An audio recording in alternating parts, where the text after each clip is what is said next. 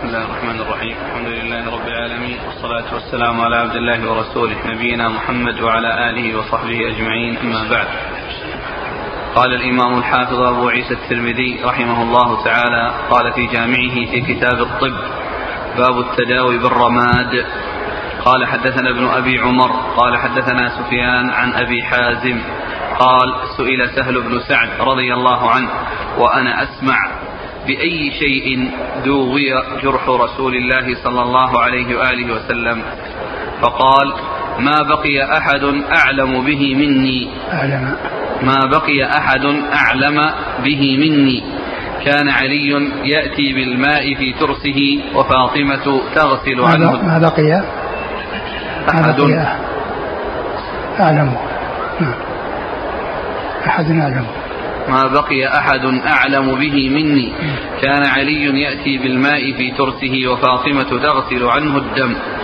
وأحرق له حصير فحشى به جرحه. قال أبو عيسى هذا حديث حسن صحيح.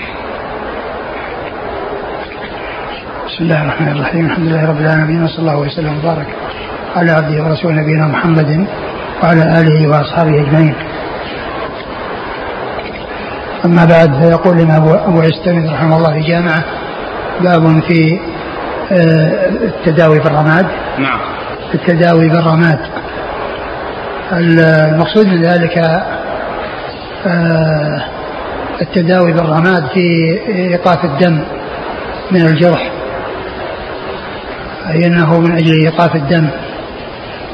وكان وقد أورد أبو عيسى هذا الحديث عن سهل بن سعد الساعدي رضي الله عنه أن أنه سئل عن الذي دوي به جرح رسول الله صلى الله عليه وسلم فقال إنه لم يقع أحد أعلم به منه وذلك أنه آه، آه، أن أن فاطمة رضي الله عنها يعني أخذت آه، حصيرا و يعني أحرقته ثم أخذت رماده ووضع على الجرح فوقف الدم يعني بذلك فدل على أن مثل هذا من الأشياء التي يعالج بها لإيقاف الدم من الجرح أو لمنع خروج الدم من الجرح الذي يحصل للإنسان لأن النبي صلى الله عليه وسلم عولج بهذا عند حصول خروج الدم منه آه، في غزوة أحد عليه الصلاة والسلام لما شج وجهه وكسرت رباعيته صلى الله عليه وسلم عولج بهذا العلاج من أجل إيقاف الدم. فدل هذا على أن العلاج يكون بكل ما هو سائغ ومباح وهذا الذي جاء في هذا الحديث من فعل فاطمة رضي الله عنها مع أبيها عليه الصلاة والسلام آه، فيه آه، آه، إيقاف الدم بهذه الطريقة. أقرأ المتن. سئل سهل بن سعد وأنا أسمع بأي شيء دوي جرح رسول الله صلى الله عليه وآله وسلم فقال ما بقي أحد أعلم به مني. كان علي يأتي بالماء في ترسه وفاطمة تغسل عنه الدم وأحرق له حصير فحشى به جرحه. نعم. فحشي به جرحه. فحشي به جرحه. نعم. نعم. قال حدثنا ابن أبي عمر. هو صديق خرجه مسلم والترمذي والنسائي وابن ماجه. عن سفيان. هو بن عيينة ثقة أخرج أصحاب كتب الستة. عن أبي حازم. أبو حازم هو سلمة بن دينار ثقة. أخرج أصحاب كتب الستة. عن سهل بن سعد. سهل بن سعد الساعدي رضي الله عنه أخرج له أصحاب كتب الستة. قال حدثنا علي بن حجر قال أخبرنا الوليد بن محمد الموقري عن الزهري عن أنس بن مالك رضي الله عنه أنه قال قال رسول الله صلى الله عليه وعلى آله وسلم إنما مثل المريض إذا برأ إذا برأ وصح كالبردة تقع من السماء في صفائها ولونها. ثم ورد أبو عيسى ثم جاء هذا الحديث في سنن الترمذي في هذا الموضع في بعض النسخ وليس له وجود في تحفة الأشراف وكذلك أيضا لا وجود له في نسخة الشارح ولا يعني النسخ الأخرى وإنما جاء في بعض النسخ ثم أيضا لا علاقة له بالترجمة لا علاقة له بالترجمة لأنه ليس فيه رماد ولا علاج بالرماد وإنما هو بيان أن المريض شفي أنه كالبردة التي تنزل من السماء. والحديث ذكره السيوطي في الموضوعات وهذا الإسناد فيه شخص متروك فهو أولا لا علاقة له في الباب وأيضا ليس يعني في نسخ الترمذي لا في تحفة الإشراف ولا في نسخة الشارح ولا النسخ الأخرى وإنما جاء في بعضها. ثم أيضا هو من حيث الثبوت غير ثابت. نعم. قال حدثنا علي بن حجر. علي بن حجر بن إياس السعدي ثقة أخرجه البخاري ومسلم والترمذي والنسائي. عن الوليد بن محمد الموقري وهو متروك أخرج له الترمذي وابن ماجه. نعم. عن الزهري. الزهري محمد بن مسلم بن عبد الله بن شهاب الزهري ثقة أخرجه أصحاب كتب الستة عن أنس بن مالك رضي الله عنه خادم النبي صلى الله عليه وسلم وأحد السبع المكثرين من حديثه. قال رحمه الله تعالى باب. قال حدثنا عبد الله بن سعيد الأشج قال حدثنا عقبة بن خالد السكوني عن موسى بن محمد بن إبراهيم التيمي عن أبيه عن أبي سعيد الخدري رضي الله عنه أنه قال قال رسول الله صلى الله عليه وعلى آله وسلم إذا دخلتم على المريض فنفسوا له في أجله فإن ذلك لا يرد شيئا ويطيب بنفسه. ثم ورد أبو عيسى هذا قال باب وأورد فيه هذا الحديث عن أبي موسى عن أبي سعيد. عن أبي سعيد رضي الله عنه أن النبي صلى الله عليه وسلم قال إذا عدتم المريض ف ف... نفسوا له. نفسوا له في أجله. نعم. نفسوا له في أجله. يعني أنهم آه يتكلمون بالكلام الذي يؤنسه وأنه يعني أنه يشفى وأنه يطول عمره أو يدعى له يعني بذلك. قال لأن هذا يؤنسه ولا يرد ولا يرد من قدر الله شيء. لكن الحديث أولا لا علاقة له بالترجمة السابقة وهي الرماد لأن هذا الباب لأنه باب بدون ترجمة ولا علاقة له في الترجمة السابقة. ثم الأمر الثاني هو ضعيف لأن فيه موسى موسى ابن محمد بن إبراهيم. موسى بن محمد إبراهيم التيمي وهو منكر الحديث. نعم. قال حدثنا عبد الله بن سعيد الأشج. هو ثقة أخرج له. أصحاب الكتب. عن عقبة بن خالد السكوني. وهو صدوق له أصحاب الكتب نعم. عن موسى بن محمد بن إبراهيم التيمي. وهو منكر الحديث أخرج له. الترمذي وابن ماجه. نعم. عن أبيه. أبوه محمد بن إبراهيم التيمي ثقة أخرجها أصحاب الكتب الستة. عن أبي سعيد الخدري. أبو سعيد الخدري سعد بن مالك بن سنان. الخدري أكثر أحد المكثرين من حديث رسول الله صلى الله عليه وسلم.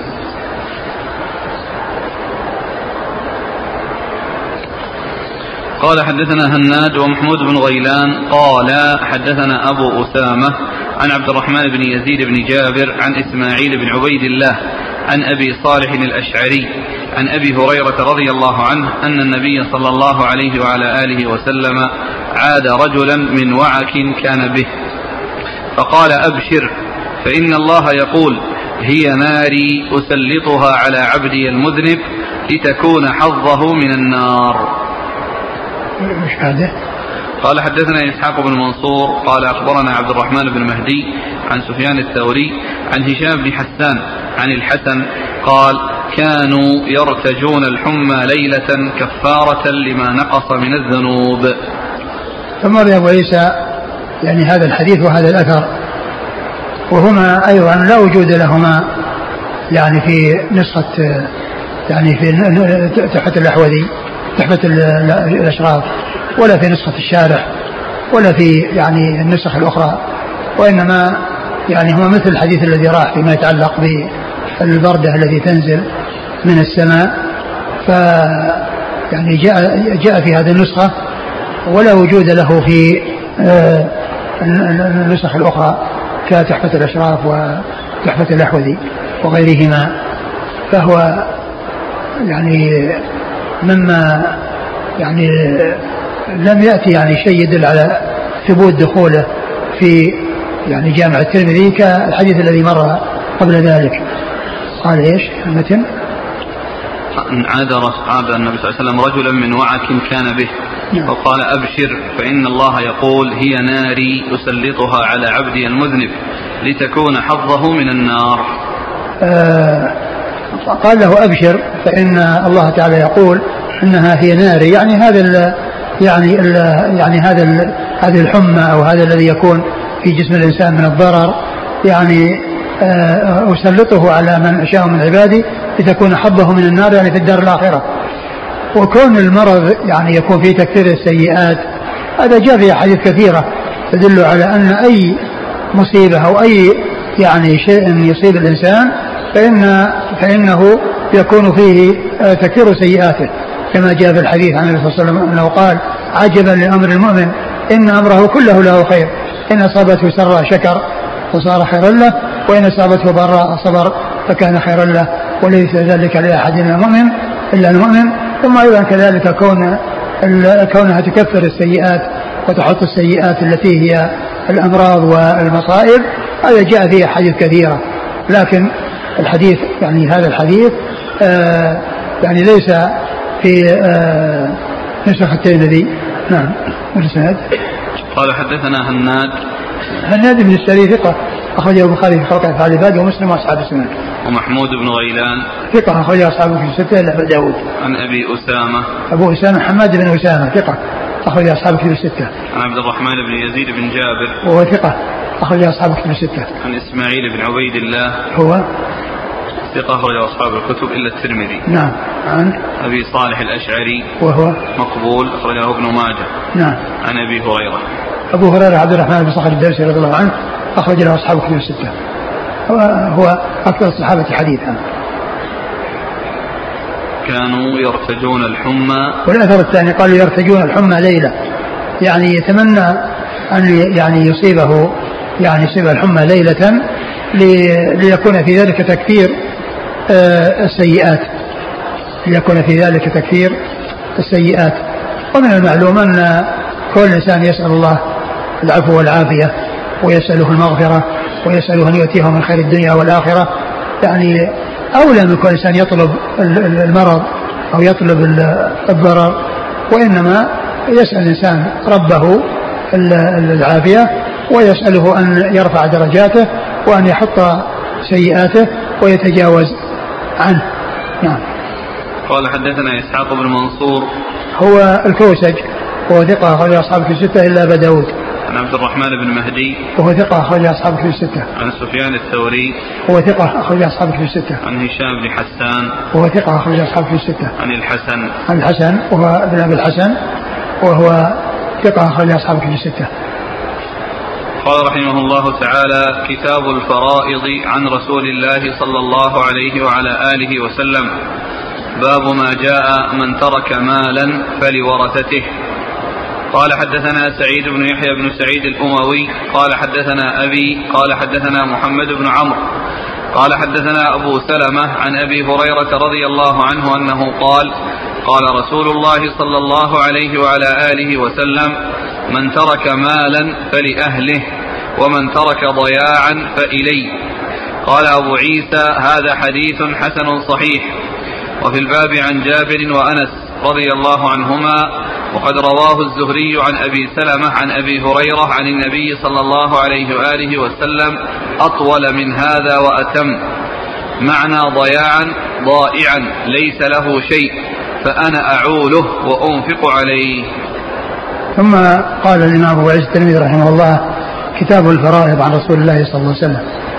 والمراد بالفرائض المواريث يعني في هذا الكتاب وأمثاله المراد بها المواريث والفرائض تأتي ويراد بها المواريث ويقال للمشتغل فيها أو العالم فيها فرضي وفرائضي وفارض. وتطلق الفرائض أيضا على على الفرائض الأمور المفروضة يعني مطلقا الأشياء التي فرضها الله مطلقا يعني يقال لها فرائض. لكن عندما يأتي في كتب الفقه وفي كتب الحديث كتاب الفرائض يقصدون بذلك المواريث يقصدون بذلك المواريث ثم أورد أبو عيسى رحمه الله هذه الترجمة باب من ترك مالا فلورثته. نعم. من ترك مالا فلورثته. يعني أن أن من مات وعنده مال فإنه يكون لورثته. وإذا كان له عيال وليس له مال فإن الرسول صلى الله عليه وسلم قال إنه إلي وأنه يعني يتولى ذلك ويقوم ب يعني بذلك يعني ويكون ذلك من بيت المال. ثم أورد أبو عيسى هذا الحديث عن النبي صلى الله عليه وسلم أنه قال من ترك مالا فلأهله ومن ترك ضياعا فإلي فإلي. نعم. نعم. من ترك مالا فلأهله يعني لورثته أي لقرابته الذين يرثونه. كما كما كما بين الله عز وجل ذلك في كتابه العزيز. يعني إن كان من أصحاب الفروض أعطي فرضه وإن لم يكن من أصحاب الفروض وإنما هو من أهل التعصيب أعطي ما بقي بعد أخذ الفروض أو أخذ المال كله أو أخذ المال كله فمن ترك مالا فلأهله فهو لورثته. وهذا شأن غير الأنبياء. وأما الأنبياء عليهم الصلاة والسلام فإنه لا يورث عنهم المال وإنما يورث عنهم العلم والهدى. وقد قال عليه الصلاة والسلام إن معاشر الأنبياء لا نورث. ما تركناه صدقة.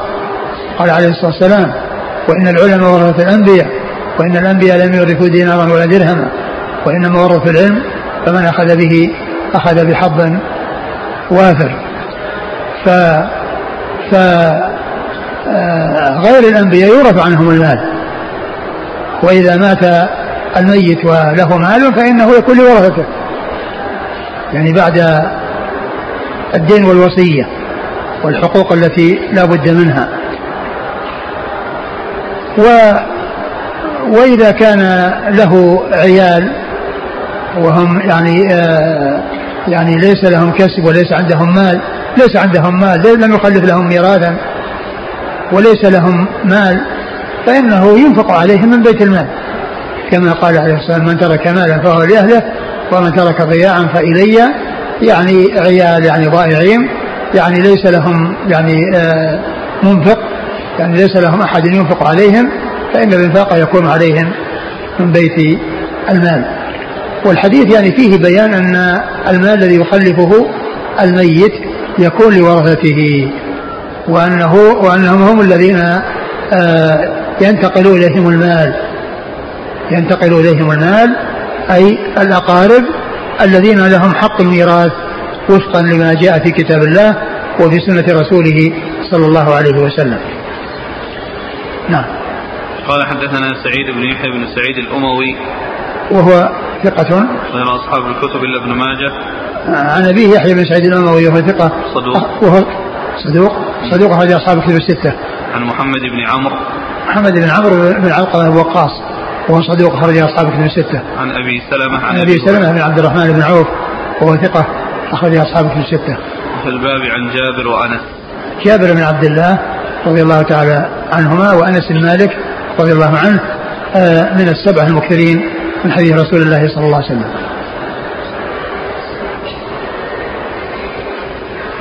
قال رحمه الله تعالى باب ما جاء في تعليم الفرائض. قال حدثنا عبد الأعلى بن واصل قال حدثنا محمد بن القاسم الأسدي قال حدثنا الفضل بن دلهم قال حدثنا عوف عن شهر بن حوشب عن أبي هريرة رضي الله عنه أنه قال قال رسول الله صلى الله عليه وآله وسلم تعلموا القرآن والفرائض وعلموا الناس.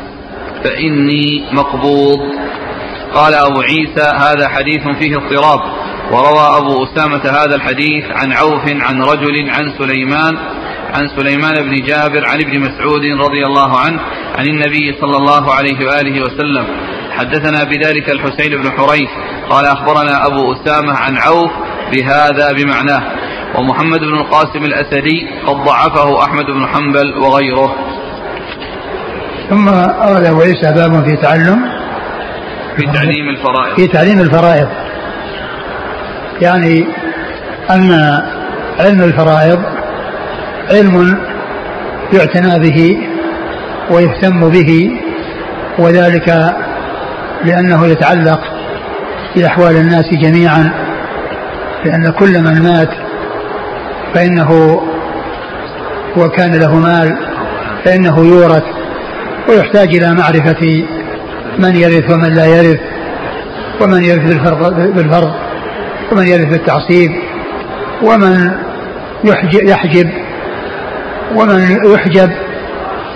كل ذلك يحتاج إلى معرفته فهو من العلوم المهمة التي الناس بحاجة إليها والتي تحصل الحاجة إليها عند كل وفاة عندما يكون خلف ميراث فإنه يحتاج إلى معرفة من يستحقه وكيف يقسم وهذا إنما يعرف بهذا العلم الذي هو علم الفرائض. ولا شك أن الاشتغال بالعلم مطلوب مطلقا سواء الفرائض أو غيره. قد قال عليه الصلاة والسلام من يريد الله به خيرا يفقهه في الدين. من يريد الله به خيرا يفقهه في الدين يعني سواء كان في الفرائض أو غير الفرائض. والحديث الذي ورد في تعلم الفرائض يعني آه هو ضعيف. يعني فيه من تكلم فيهم ولكن لا شك أن الاشتغال بالعلم مطلقا مطلوب. والشيء الذي حاجة الناس إليه يعني دائمة وكثيرة كقسمة المواريث فإن هذا أيضا كذلك مما ينبغي الاهتمام به. والعناية به حتى يعطى كل ذي كل ذي حق حقه يعطى كل ذي حق حقه ولا يعطى أحد شيئا لا يستحقه ويحرم أحد شيء يستحقه وإنما يكون ذلك وتحقق ذلك بحصول العلم والمعرفة بهذا العلم الذي تكون به قسمة المواريث. آه الحديث الأول حديث أبي هريرة. تعلموا القرآن والفرائض وعلموا الناس فإني مقبوض تعلموا القرآن والفرائض يعني كلمة الفرائض هنا معطوفة على القرآن فيحتمل أن تكون المراد بها الأحكام الشرعية والأمور المفروضة مطلقة ويدخل ذلك في ذلك الفرائض. ويحتمل أن يكون مقصود بها الفرائض ولذلك أوردها المصنف هنا. يعني في كتاب الفرائض. والحديث الثاني عن ابن مسعود قال ما جاب لفظ قال بمعنى. نعم. قال حدثنا عبد الأعلى بن واصل هو ثقة رجل الترمذي والنسائي. نعم. عن محمد بن القاسم الأسدي. وهو كذبوه وله الترمذي. كذبوه نعم. أخرجه الترمذي نعم. عن الفضل بن دلهم. وهو لين. لين الحديث نعم. أخرجه أبو داود والترمذي وابن ماجه. نعم. عن عوف. عوف الأعرابي وهو ثقة أخرج أصحاب كتب الستة. عن شهر بن حوشب. يعني شهر بن حوشب صدوق كثير الأوهام و والإرسال. والإرسال. أخرجه البخاري في المفرد ومسلم وأصحاب السنة. نعم. عن أبي هريرة. نعم. قال وروى أبو أسامة. أبو أسامة حماد بن أسامة. نعم مر هذا الحديث عن عوف عن رجل عن سليمان بن جابر. وهذا فيه مبهم. وسليمان بن جابر هو مقبول ولا ضعيف؟ مجهول مجهول. الترمذي والنسائي عن ابن مسعود. نعم. مسعود بن مسعود الهذلي رضي الله عنه أخرج له أصحاب الكتب الستة. قال حدثنا بذلك الحسين بن حريث. وهو؟ ثقة رجل أصحاب الكتب إلا ابن ماجه. نعم. عن أبي أسامة عن عوف بهذا بمعناه نعم. قال رحمه الله تعالى باب ما جاء في ميراث البنات. قال حدثنا عبد بن حميد قال حدثني زكريا بن عدي قال أخبرنا عبيد الله بن عمرو عن عبد الله بن محمد بن عقيل عن جابر بن عبد الله رضي الله عنهما أنه قال جاءت امرأة سعد بن الربيع بابنتيها من سعد إلى رسول الله صلى الله عليه وعلى آله وسلم فقالت يا رسول الله هاتان ابنتا سعد بن الربيع قتل أبوهما معك يوم أحد شهيدا. وإن عمهما أخذ مالهما فلم يدع لهما مالا ولا تنكحان إلا ولهما مال. قال يقضي الله في ذلك. فنزلت آية الميراث.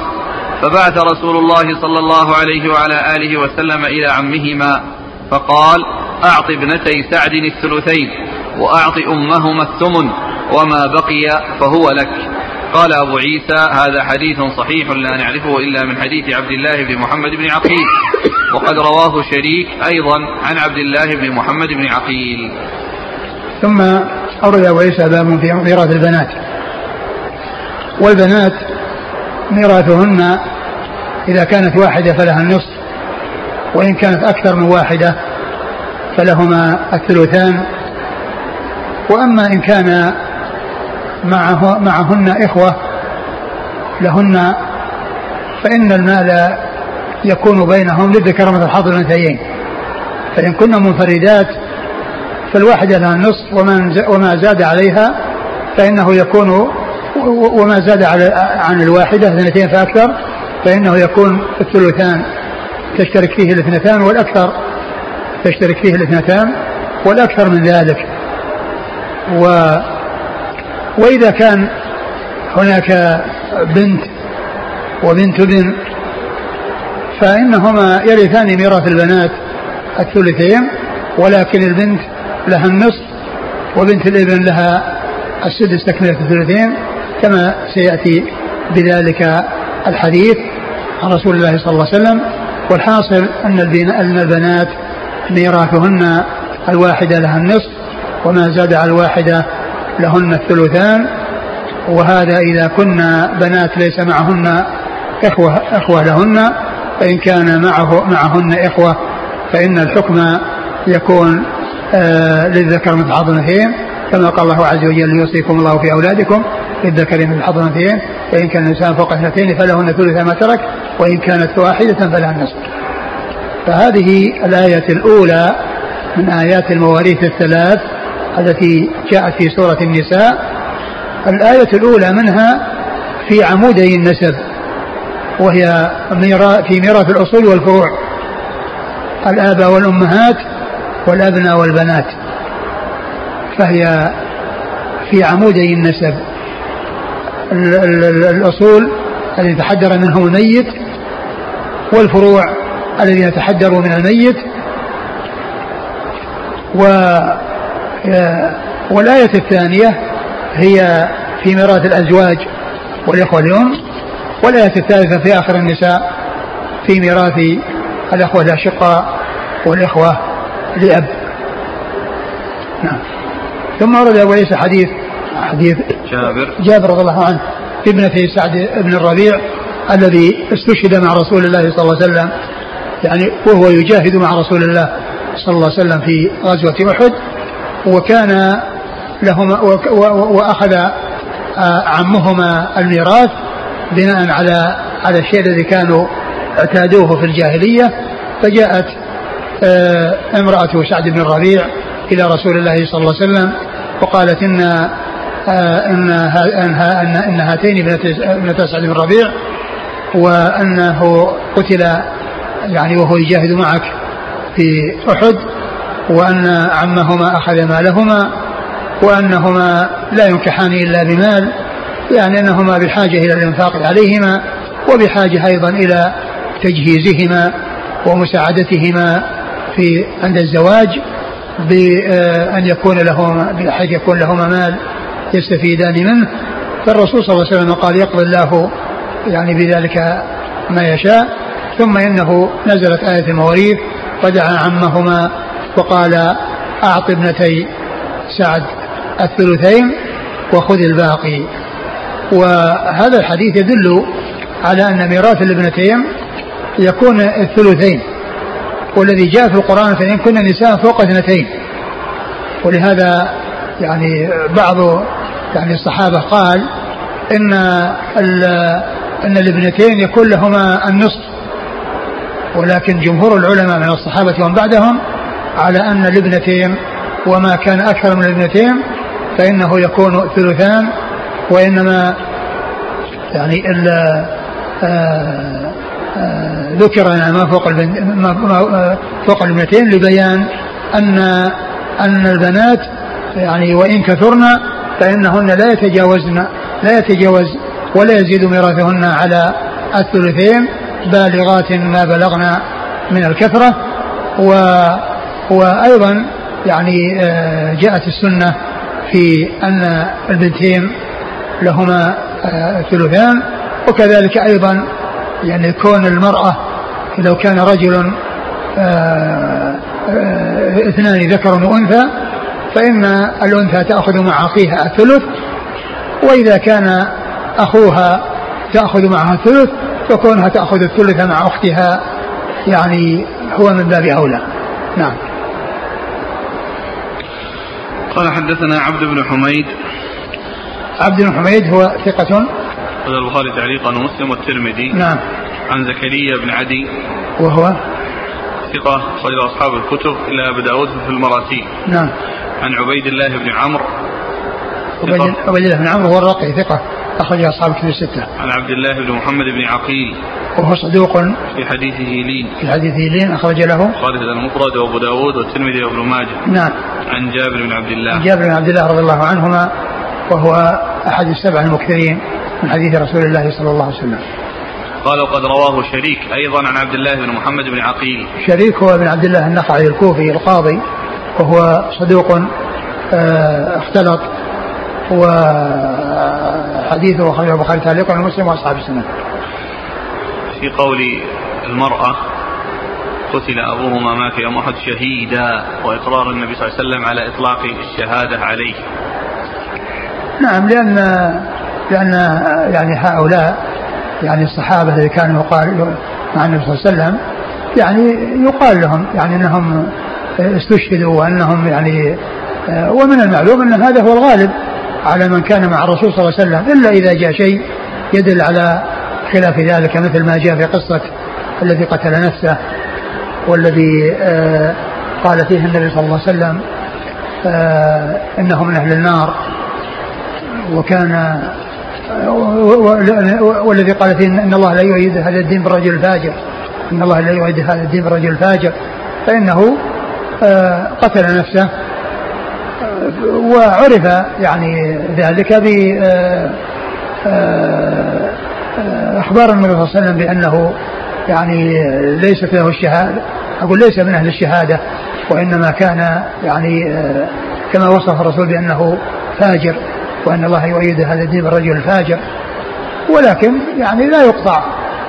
يعني لكن كون هذه المرأة قالت إنه استشهد وأنه شهيد والرسول أقرها يعني دل على أن من قتل معه من أصحابه الأصل فيهم أنهم شهداء إلا أن يأتي شيء يدل على خلاف ذلك. قال رحمه الله تعالى باب ما جاء في ميراث ابنة الإبن مع ابنة الصلب.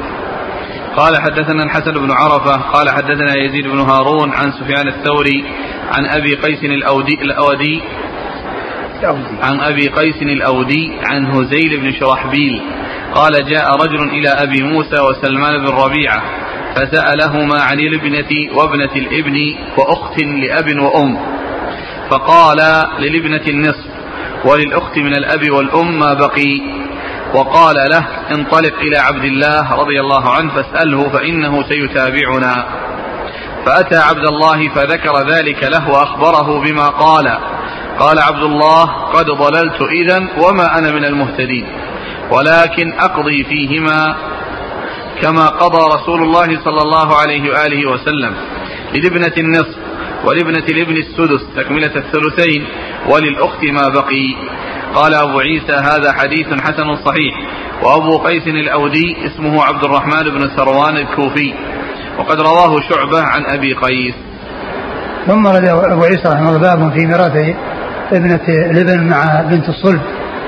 يعني ابنة الابن التي هي آه، أقرب من بنت الابن آه، آه، بعض الصحابة رضي الله عنهم وأرضاهم كان يعني كان فهموا لم يبلغهم النص عن رسول الله صلى الله عليه وسلم ولكنهم فهموا أن أن العليا تحجب الدنيا التي دونها كما يحجب ابن الابن الابن ابن الابن فرأوا أن بنت البنت تحجب بنت الابن. وأنه ليس معها شيء. و والرسول صلى الله عليه وسلم حكم بأن البنتين أن البنت وبنت الإبن وإن تفاوتا في القرب والبعد إلا أنهما متحدان في متحدات في البنوة وأنهن كلهن بنات للميت إلا أن هذه قريبة وهذه أبعد منها. فالحكم جاء بأن القريبة يكون لها النص كما لو كان وحدها وليس معها بنت ابن.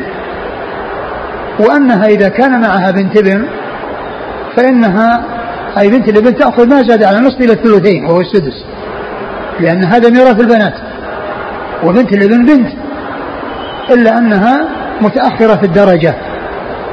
فلم تحجبها بنت الابن البنت بل حجبتها عن النصف. لأنها لا سبيل لها أن تأخذ النصف لأنها أقرب منها.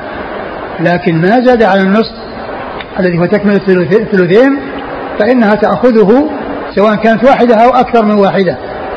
إذا كانت بنت واحدة أو أكثر من بنت واحدة بنت بنت فإنه فإنها أو أنهن يأخذن ذلك السدس الذي به يكمل الثلثين لأن هذا ميراث البنات. فقسم بينهما على أساس أن الواحدة القريبة يكون لها النصف ومن جاء دونها من بنات الإبن سواء كنا واحدة أو أكثر فإن فإنهن يكون لهن السدس الذي به يكمل الثلثان. وقد جاء يعني سائل إلى أبي موسى الأشعري وإلى سلمان سلمان إيش؟ بن ربيعة. سلمان بن ربيعة رضي الله عنهما وكان رأي أن البنت تحجب بنت الابن وأنه ليس لها شيء معها فأخبره بما يعني عندهما وطلب منه أن يذهب إلى ابن مسعود وأن يسأله وقالوا أنه يعني يتابعنا يعني لعلمهما أو لظنهما أن هذه تعجب هذا. فلما جاء إلى مسعود وأخبره, وأخبره وقال إنه سيتابعنا فقال قد ضللت إذا يعني إن تابعتهما على شيء خلاف ما جاء به النص عن رسول الله صلى الله عليه وسلم وما أنا من المهتدين. يعني إن فعلت ذلك لست على هدى وإنما الهدى في اتباع الرسول. صلى الله عليه وسلم فيما جاء به وقد جاءت السنة عن رسول الله صلى الله عليه وسلم بأن البنت بنت الابن إذا يعني كانت يعني آه، ورثة إذا إذا كانت في الورثة بأن لم يكن البنات ثنتين وإنما كانت واحدة لأنها لو كنا ثنتين أخذنا الثلثين وبنت الابن ليس لها شيء لأنهن حزن ميراث البنات. لكن إذا كانت واحدة فإنها لا تحوز ميراث البنات.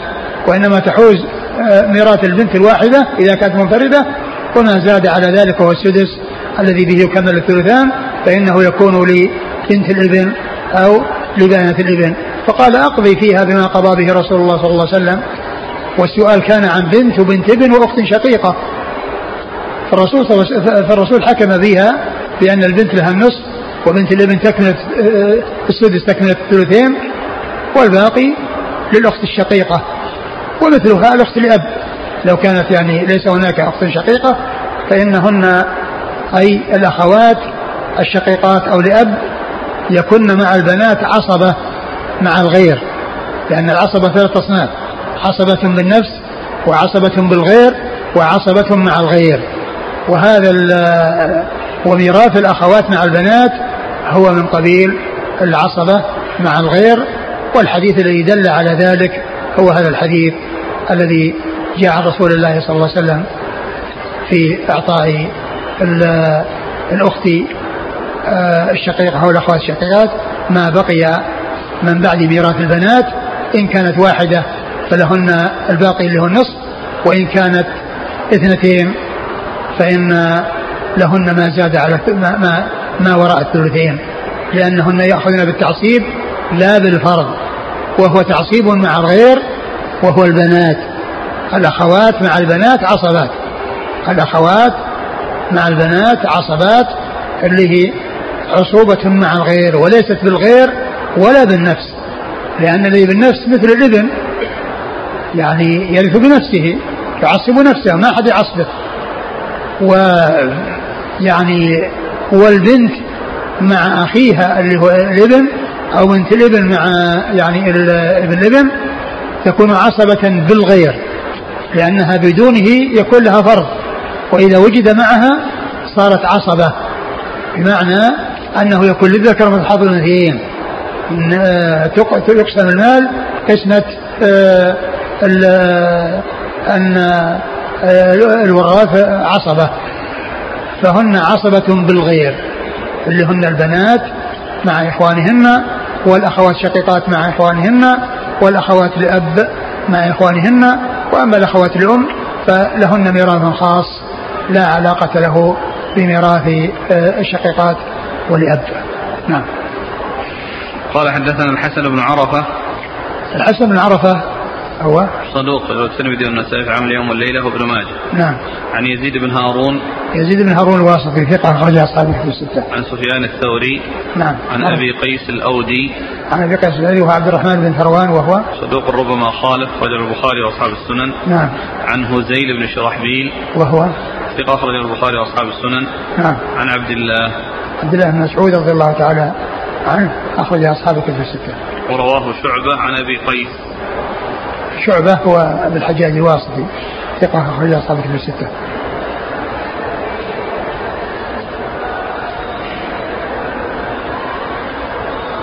قال رحمه الله تعالى باب ما جاء في ميراث الإخوة من الأب والأم قال حدثنا بندار قال حدثنا يزيد بن هارون قال أخبرنا سفيان عن أبي إسحاق عن الحارث عن علي رضي الله عنه أنه قال إنكم تقرؤون هذه الآية من بعد وصية توصون بها أو دين وأن رسول الله صلى الله عليه وعلى آله وسلم قضى بالدين قبل الوصية. وإن أعيان بني الأم يتوارثون دون بني العلات. الرجل يرث, يرث أخاه لأبيه وأمه دون أخيه لأبيه. قال حدثنا بندار قال حدثنا يزيد بن هارون قال أخبرنا زكريا بن أبي زايدة عن أبي إسحاق عن الحارث عن علي رضي الله عنه عن النبي صلى الله عليه وعلى آله وسلم بمثله. قال حدثنا ابن أبي عمر قال حدثنا سفيان قال حدثنا أبو إسحاق عن الحارث عن علي رضي الله عنه أنه قال قضى رسول الله صلى الله عليه وآله وسلم أن أعيان بني الأم يتوارثون دون بني العلات. قال أبو عيسى هذا حديث لا نعرفه إلا من حديث أبي إسحاق عن الحارث عن علي. وقد تكلم بعض أهل العلم في الحارث والعمل على هذا الحديث عند عامة أهل العلم. باب ميراث الإخوة. الإخوة من الأب والأم. باب ميراث الإخوة من الأب والأم. الإخوة من الأب والأم اللي هم الأشقة أو الإخوة من الأب فقط. وها وها وها وها وهذان الصنفان من الإخوة وهم الأشقة أو لأب لهم ميراث يشابه ميراث البنين والبنات يعني مثله. وذلك أن الواحد الواحدة من الأخوات لها النصف وإذا كنا اثنتين فأكثر لهما الثلثان. والأخت الشقيقة إذا كان معها أخت لأب فإن الشقيقة لها النصف والأخت لأب لها السدس تكملة الثلثين. كما هو بالنسبة للبنت بنت الابن مع البنت. فميراثهن فميراث الأخوة الأشقة ولأب مثل ميراث البنين والبنات.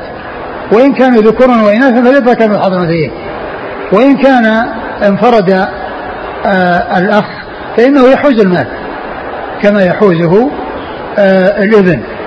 وكذلك يعني آه، آه، آه، ابن الابن مثل مثل الأخ الشقيق الأخ بأب مع الأخ الشقيق فإنه لا ميراث له مع وجود من يرث بالجهتين. وكذلك ابن الابن لا ميراث له مع الابن الذي هو ابن الصلب الذي هو المباشر. الحاصل أن ميراث الأخوة الأشقة والأب مثل ميراث البنين والبنات تماما.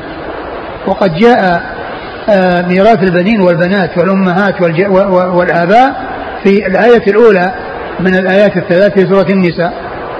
وجاء الإخوة ميراث الإخوة لشقة ولأب في آخر السورة في آه، آية الكلالة وجاء في, في الآية الثانية التي آه، بعد الآية الأولى في أول السورة التي هي ميراث الزوجين وميراث الإخوة لأم. وميراث الإخوة لأم يختلف عن ميراث الإخوة الأشقاء لأن الواحد من الإخوة لأم له السدس. وإذا زاد يعني زاد صار أكثر من واحد فإنه يكون الثلث. يعني يكون للجمع الثلث. ولا فرق فيه بين الذكور والإناث يعني آه، آه، أخوان لأم أختان لأم أخ لأم أخت لأم ميراثهم واحد. لا فرق بين الذكر والأنثى. لا يزيد الذكر على الأنثى شيئا كما هو بالنسبة للأشقاء ولأب والحاصل أن ميراث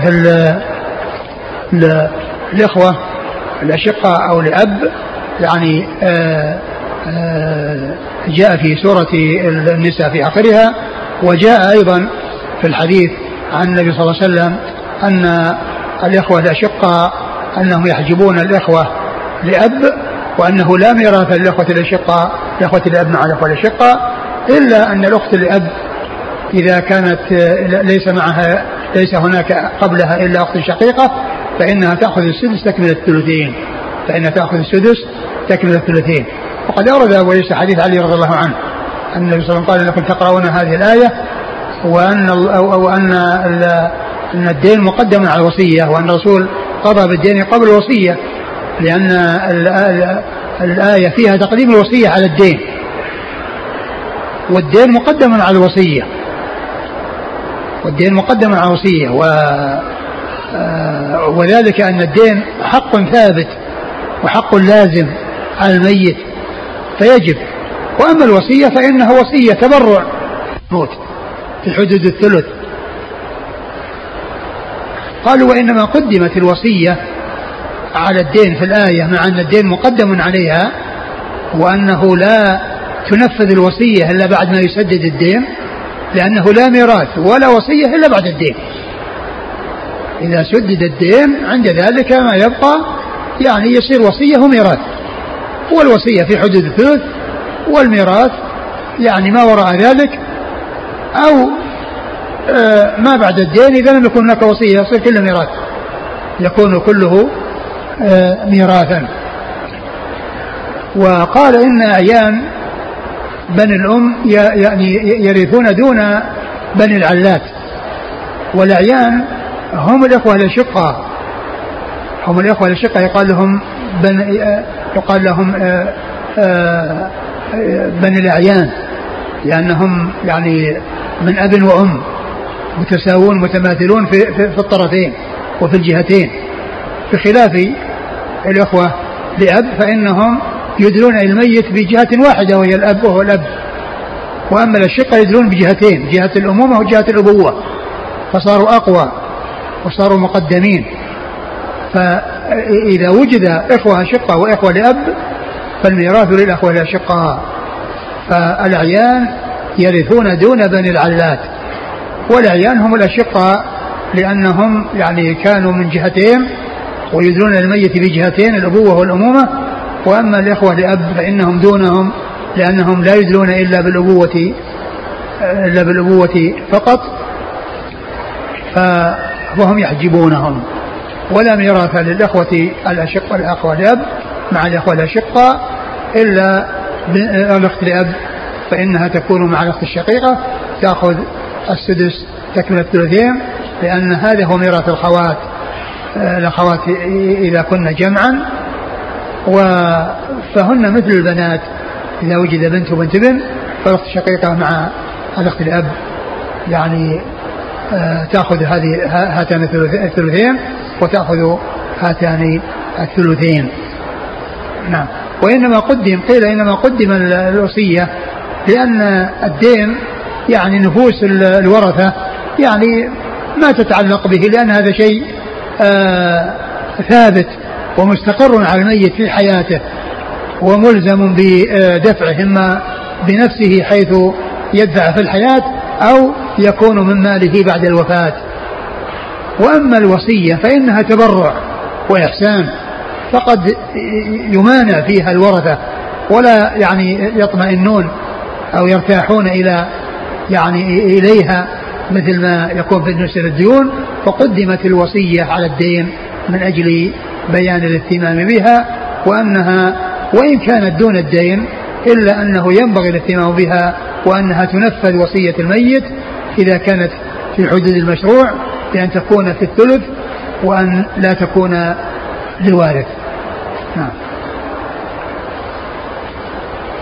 قال حدثنا أبو الدار. هو محمد بن بشار ثقة. أخرج أصحاب الكتب الستة. عن يزيد بن هارون. نعم مر ذكره. عن سفيان عن أبي إسحاق. أبو إسحاق هو عمرو بن عبد الله الهمداني السبيعي ثقة أخرج أصحابه الستة. عن الحارث. الحارث الأعور الحارث بن عبد الله الأعور هو صدوق. في حديثه ضعف. في حديث ضعف. أخرج أصحاب السنن. نعم. عن علي.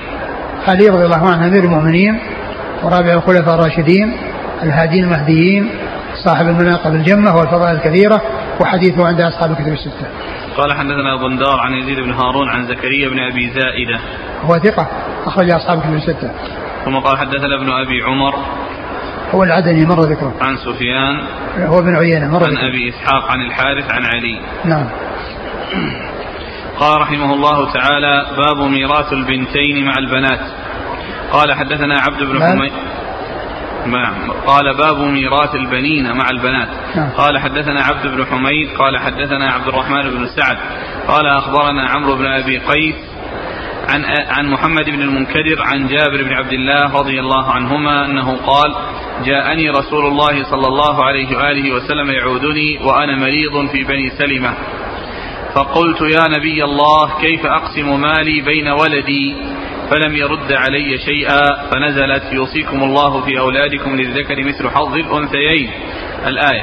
قال أبو عيسى هذا حديث حسن صحيح وقد رواه شعبة وابن عيينة وغيره عن محمد بن المنكدر عن جابر. إيش بعده؟ باب ميراث الأخوات. أعد الحديث. قال عن جابر قال جاءني رسول الله صلى الله عليه وآله وسلم يعودني وأنا مريض في بني سلمة. فقلت يا نبي الله كيف أقسم مالي بين ولدي؟ فلم يرد علي شيئا فنزلت يوصيكم الله في أولادكم للذكر مثل حظ الأنثيين. ثم أورد أبو عيسى باب مرة البنين مع البنات.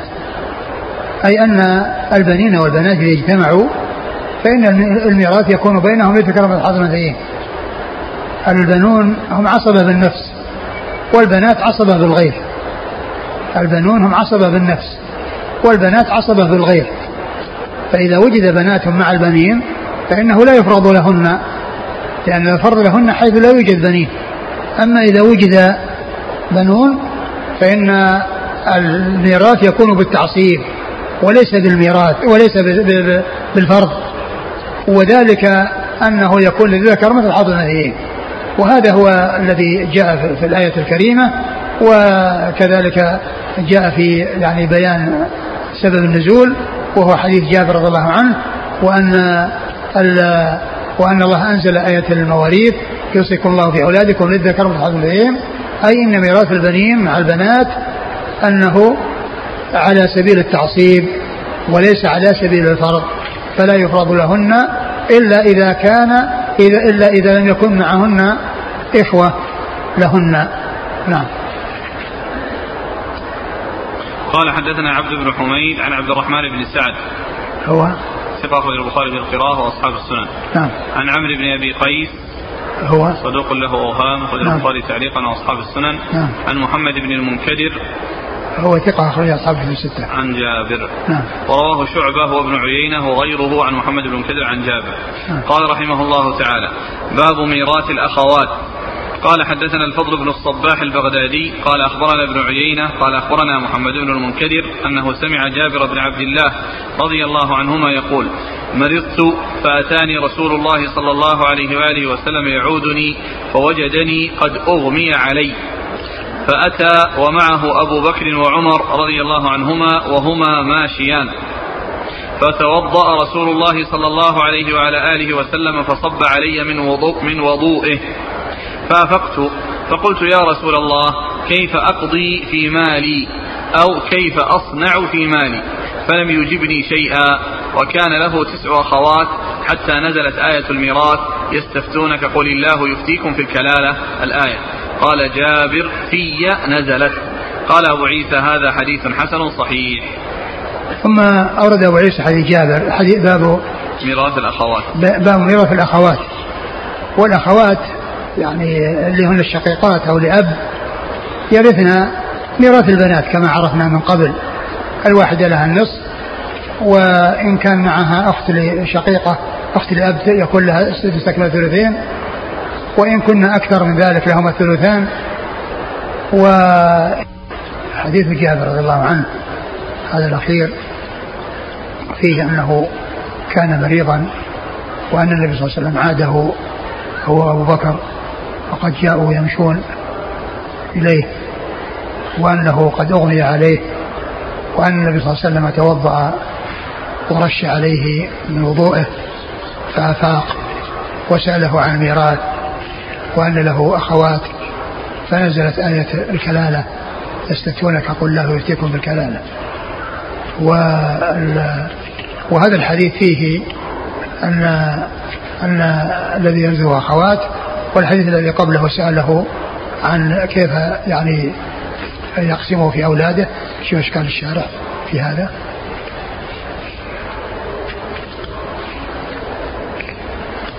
الحديث الثاني ولا الحديث الأول؟ كله إيش اللي قال فيه؟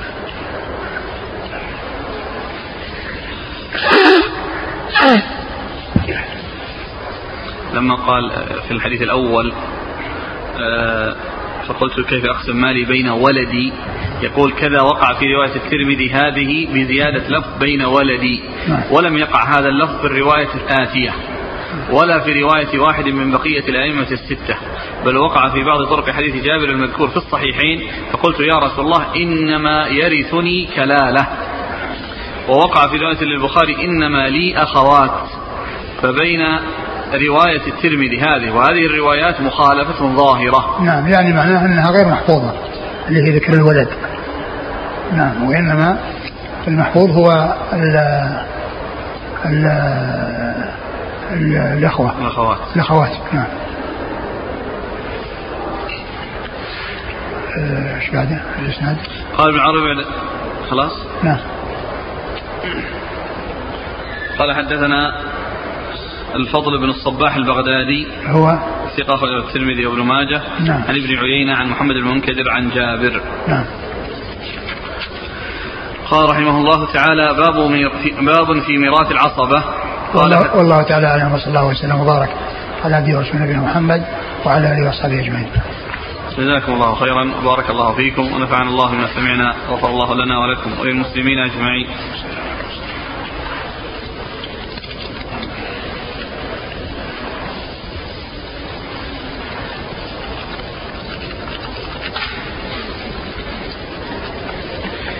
يقول السائل ما حكم أخذ الأجرة في توزيع أموال الورثة؟ ما في بأس إذا كان الأمر يتطلب يعني هذا الشيء لكثرته أو يعني لكون القسمة يعني فيها يعني آه، جداول ومناسخات وما إلى ذلك ما في بأس. هذا لما سمع أن الأنبياء لا يتوارثون يسأل عن أبناء الأنبياء. هل يحصل التوارث فيما بينهم؟ إذا كانوا أنبياء إذا كان أبناء الأنبياء أنبياء فهم حكم حكم آبائهم. وإن كانوا ليسوا أنبياء حكمهم حكم الناس الآخرين. هل يجوز عدم تقسيم التركة إذا كان الورثة متفقين على عدم قسمتها؟ نعم يجوز. لأن هذا حقهم.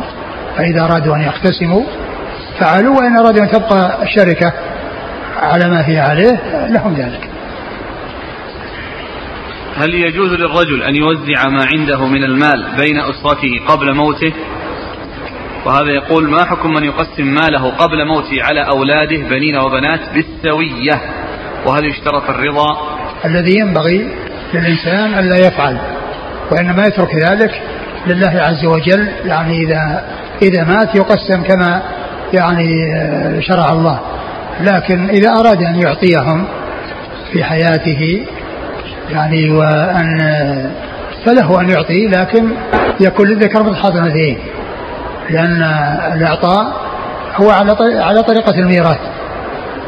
وقد يكون بعض الناس يريد أن يتخلص من القسمة التي يعني فيها لذكر حظ فيعطي النساء مثل مثل البنين لئلا يعني يأتي الميراث فيكون لهن النصف. ف الإعطاء آه، أو الاعطاء للبنين مختلف فيه. هل يكون بالسوية أو يكون بإعطاء ذكر من حضر الذين والذي يظهر أن الذكر أن للذكر مثل حظ الأنثيين وأن هذا مثل ما لو بقي المال فإنه يعني يؤول الأمر إلى أن يكون مثل الأنثيين فكذلك لو استعجل وأعطي شيئا في الحياة فإنه يكون لذكر حظ الأنثيين. في قول صلى الله عليه وسلم ومن ترك ضياعا فإلي. هل من الضياع المال الذي لا يوجد أحد يرثه؟ فيرجع إلى البيت المال. نعم نعم هذا بس المقصود هنا ضياع. المقصود به يعني الأولاد الذين ليس لهم عائل ويعني وهم يعني ضائعون يعني من ناحية الإنفاق ما أحد ينفق عليهم فإن الإنفاق عليهم يكون بيت المال. هل يحل الدين بمجرد الموت؟ لا. الدين يعني يعني إذا كان له أجل فإن الورثة يحلون محل المورث.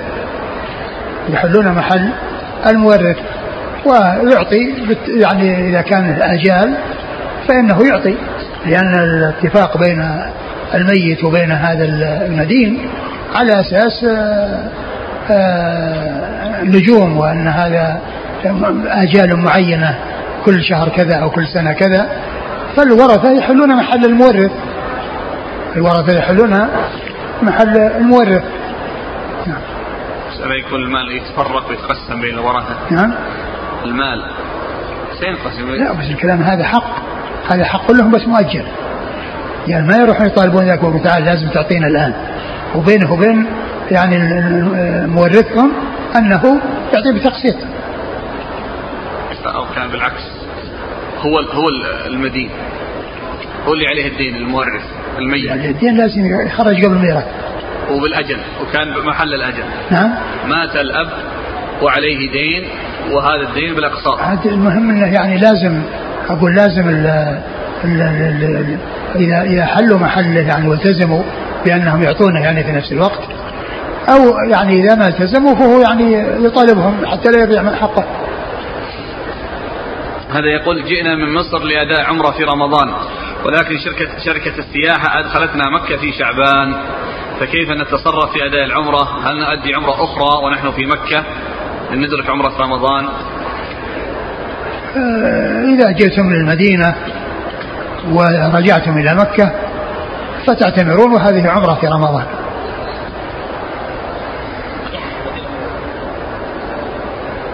يقول يا شيخ ما يستطيع. السائل نفسه.